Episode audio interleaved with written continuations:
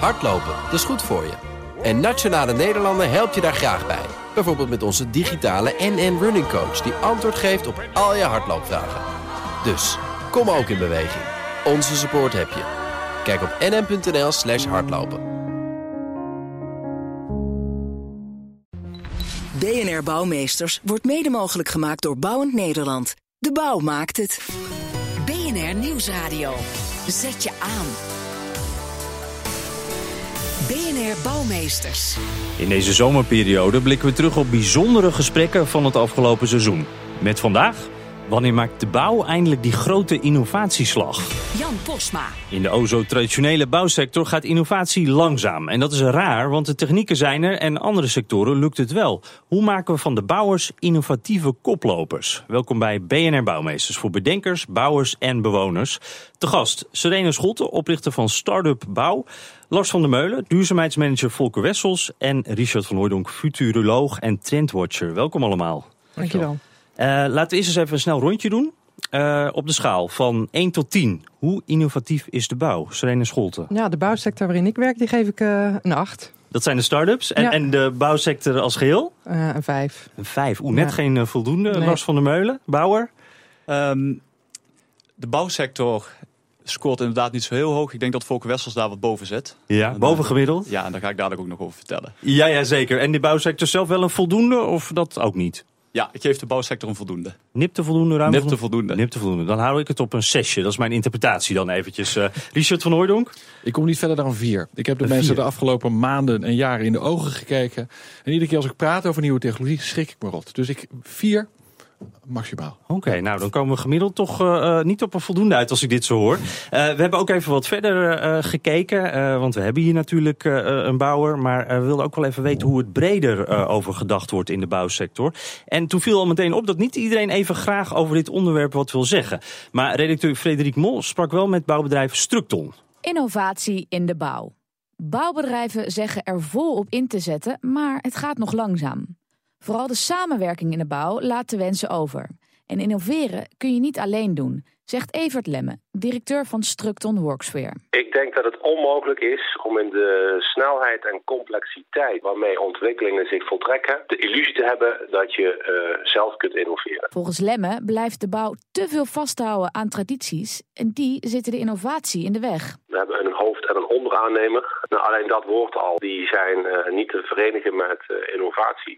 innoveren doe je op basis van gelijkwaardigheid. Het innoveren gaat altijd over het onbekende en ja, het maakt het ook soms heel erg spannend. En het hoeft ook niet altijd gunstig te zijn voor je bestaande verdienmodel of voor je bestaande bedrijfsmodel. Het is voor nu misschien niet gunstig voor de portemonnee, maar het is wel nodig om uiteindelijk te overleven. Er zal met name in technologie geïnvesteerd moeten worden. Want technologie krijgt de belangrijkste rol in de bouw, voorspelt Lemmen. Het gebouw wordt bijna bijzaak. Alles wordt verbonden. We weten precies waar iedereen zit. Ik denk dat privacy uh, steeds minder een echt issue uh, is. Waardoor je bezetting en benutting van gebouwen ook uh, veel beter kunt gaan regelen. En dat is gewoon een must.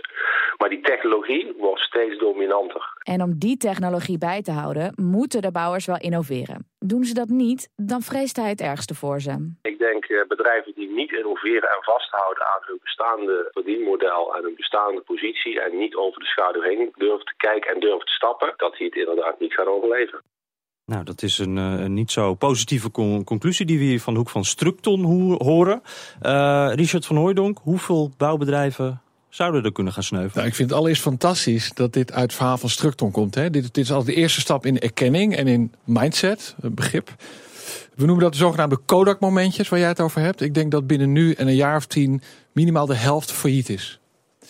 En dat dachten we eigenlijk ook tien jaar, vijf, zo'n vijf jaar geleden. Retail, het komt allemaal wel goed. Maar ze gaan achter elkaar. -hmm. En heb je en, dan over de grote bouwbedrijven? Dan heb ik het over, over met name de grote bouwbedrijven. Met de enorme overhead. Hè. Small is the new big. Dat is eigenlijk het credo. Kleine, wendbare bedrijven die zich kunnen richten op een kern. En heel snel kunnen manoeuvreren. Uh, maar, maar wat je nu ziet is, is uh, ook de effecten vanuit retail. Hè. Dus je kijkt de doorkop-effecten.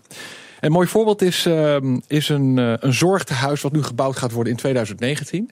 Daar had de organisatie die dat zou doen uh, een gesprek met de bouwers. En die kwamen weer met het normale verhaal. Hè, gewoon zoals ze dat al jaren deden. En vervolgens dacht de directie, kunnen we dat niet anders gaan doen? Moeten we niet eens even gaan nadenken en praten met wetenschappers en uh, sensoren van Philips en allerlei interessante partijen. En nu zie ik dat, dat de bouwers daarin niet mee kunnen. De bouwers zouden eigenlijk mee moeten kunnen door juist Mhm. in die voorroute te, route te zitten van technologie. Ja, ja. En, en, en dat doen ze dus niet, daarom worden ze nu gepasseerd. En eh, zitten ze op een heel andere manier in het, in het totale aanbestedingsproces, als je even niet uitkijkt. Een heel veel bredere rol eigenlijk. eh, Zeker. La- Lars van der Meulen, Volkers Wessels, voelen jullie dit ook zo? Sowieso, die urgentie, voelen jullie dat ook? Eh, ja, die voel ik zo. En dat is ook wel. Ik wil hier eigenlijk gelijk al even op inhaken. Jazeker. Want ik denk, ehm één kant van het verhaal is inderdaad van ehm, de bouw haakt misschien vaak te laat aan. Andere kant van het verhaal is dat de bouw vaak te laat wordt aangehaakt. Ik zat gisteren toevallig nog bij de brainstorm over een nieuw ziekenhuis. Daar ging het over eh, hoe kunnen we het ziekenhuis van de toekomst nou neer gaan zetten. En er was door de mensen die daarbij betrokken waren, was al heel veel bedacht over hoe ze dat in zouden gaan vullen. Allerlei eh, verschillende duurzame oplossingen met de visie. Wat zou je met z'n allen kunnen doen? En wat wij als bouwer al in huis hebben, dat was daar weggelaten. Zodat je een hele hoop innovaties die al bestaan gewoon niet mee kan nemen. Ja, maar daar vraag je toch een beetje om als bouwer. Even met alle respect. Als je gaat kijken naar jouw organisatie, zo'n beetje alle bouwers, die richten zich qua communicatie en inspiratie zeker niet op de toekomst. En dan als je dan een ziekenhuis iets gaat neerzetten, dan denk je per definitie niet aan om de bestaande bouwers er eens bij te gaan betrekken. Dus hoe, hoe zie jij dat? Ja, nou dat, dat zie ik ook zo. Maar ik denk dat het verhaal twee kanten heeft. Hè. Dus als bouwer moeten wij ons profileren. Laten zien van we zijn niet alleen een stenenstapelaar. Maar we kunnen echt wel meedenken over innovaties. We kunnen een innovatie- en procesmanager zijn. En dat zijn we in veel projecten ook. Er zijn mooie voorbeelden van. Ehm, ik denk aan de andere kant, het is ook wel een cultuurverandering voor heel veel opdrachtgevers. Hè, dat ze ons ook op die manier benaderen. En op wat Ehm, voor manier moet dat dan? Hoe, hoe moet je het nou goed doen nu dan? ja, het sleutelwoord is samenwerking en value case. Dus ehm, als je bijvoorbeeld naar een woning gaat kijken, laten we eerst eens kijken wat je binnen vier muren en een dak nou neer kan zetten om bij te dragen aan de levenskwaliteit van mensen. Ehm, je niet in beperkingen denken en dat doe je met alle mensen die daarbij betrokken zouden moeten zijn. Hè? Eh, Zonder onderscheid te maken tussen financiers, hoofdaannemers, onderaannemers. Daarna ga je kijken van wat voegt dat nou voor waarde toe. En pas daarna ga je kijken wie moet dan wat doen en wat is de business case voor die verschillende partijen. Dus denken vanuit meerwaarde in de plaats vanuit de business case voor individuele deelnemers. Is, dat hoe er bij Volkers Wessels nu ook al aan gewerkt wordt? Steeds meer. Ja, Maar, de- maar het is een cultuurverandering. En het kan ook niet altijd. Het kan niet binnen elke opdrachtconstructie. En kijk, daarom vond ik het heel mooi dat eh, Van Hooydonk net zegt... ik geef de bouwsector een 4 en dat ik het een 6 geef. Ik kan me dat voorstellen als je er alleen maar aan de buitenkant tegenaan kijkt. Ho, ho, ho. Nee, zeker niet. Richard van Hooydonk? Nee, niet nee, alleen dat- van de ik- buitenkant? ik- ik- per definitie niet. Ik zit er redelijk dik in. En ik denk dat als je de bouwsector nu nog een voldoende van vijf of zes gaat geven, dan ben je echt niet op de hoogte wat er echt aan de hand is. nou, als dan je- zou als ik hem om willen draaien. Doe maar. Ehm, ik kan me voorstellen dat je dat doet, maar ik zie heel veel schitterende dingen gebeuren binnen de bouw. En daarom zou ik graag aandacht willen vragen voor wat er allemaal al aan innovatie in huis is. En een pleidooi willen houden voor eh, de uitdaging die er ligt. En die niet technologisch van aard is, maar veel meer organisatorisch en sociaal. En daar willen wij heel graag aan meewerken. Mhm. Nou, ik wil daar wel iets op, eh, op Ja, inhaken. Sene Schotten vanuit de start-ups. Ja, eh, mijn aandacht in de bouw gaat eigenlijk al elf jaar lang uit naar de mensen en naar het leiderschap. En ik denk dat daar ook heel erg veel te ontwikkelen is voor de bouw. Eh, ik heb in, via Startup Delta in de andere start-up scenes mogen rondlopen. En dan zie je een hele andere cultuur en sfeer hangen als het gaat over eh, ja, man-vrouw verdeling, eh, verschillende achtergronden, het energieniveau. En dan kom je bij een bouwbedrijf binnen. Ik denk, ja, hier is nog niet het leiderschap wat ook stuurt op zo'n ja, zo'n populatie in de organisatie. Het zijn ja, vrij homogene werelden. En ja, homogeen leidt niet tot innovatie. En, en wat zeg je dan eigenlijk? Zijn dat allemaal mannen, kan ik me voorstellen? Ja, van dezelfde leeftijd? Ja. Van de... Ja, van de, met dezelfde achtergrond, met dezelfde studie. En, en dat is niet de basis van creativiteit en innovatie. Ik- voor mij, de start-up scene, ik zeg niet voor niks. Ik wil eigenlijk de totale start-up scene ook via Startup Delta richting bouw brengen.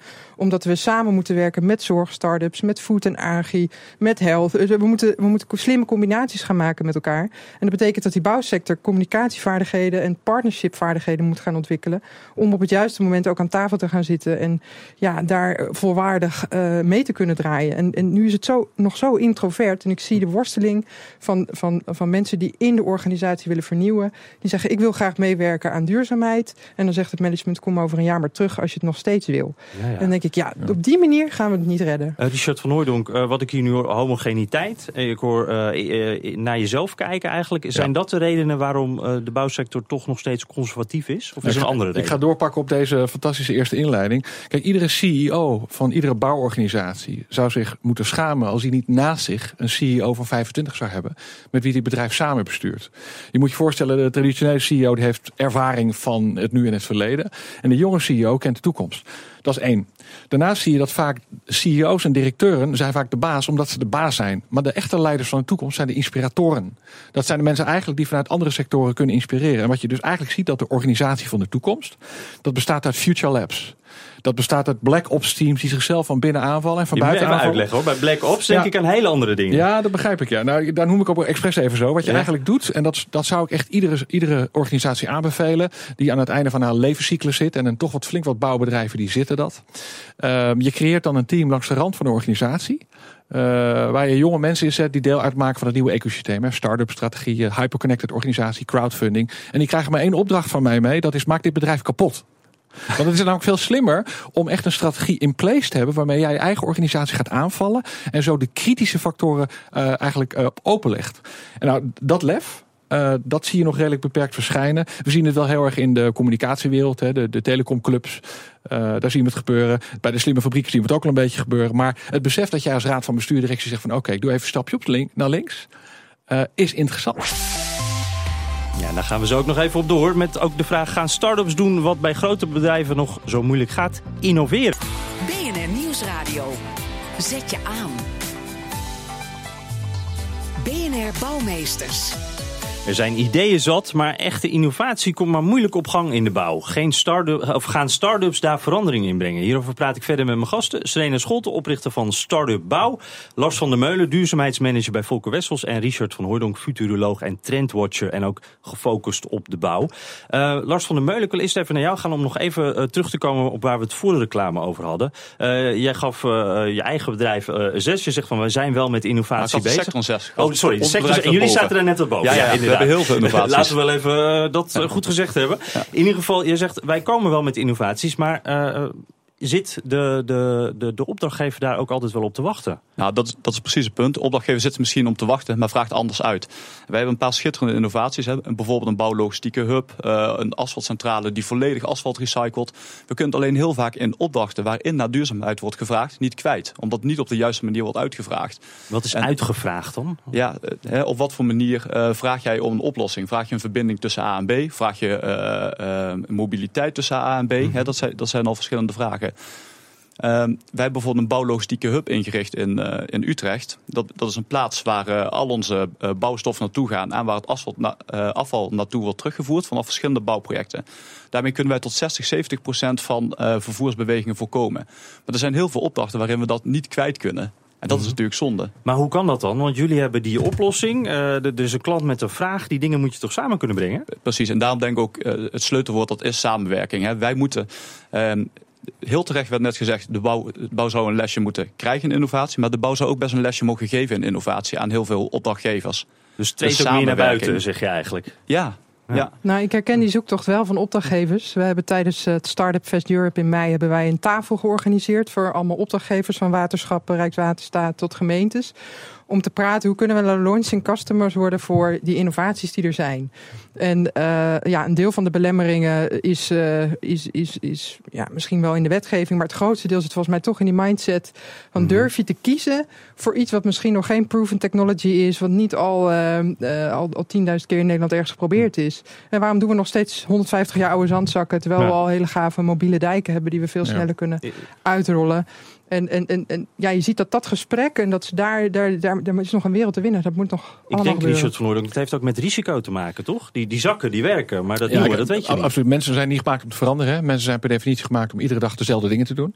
En dan hebben we ook natuurlijk processen. Maar, maar, maar wat je wel ziet, is, is dat we eh, ervoor moeten uitkijken dat we niet onze klanten gaan disqualificeren. Het is heel makkelijk om dat te doen, hè. dan verander je niks.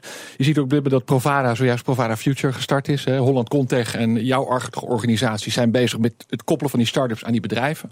En ik denk dat het heel belangrijk is om, eh, we zien dat ook heel erg in andere sectoren, om proof of concepts te gaan ontwikkelen. Proof Gewoon of een- concept. Een, huis van de toekomst.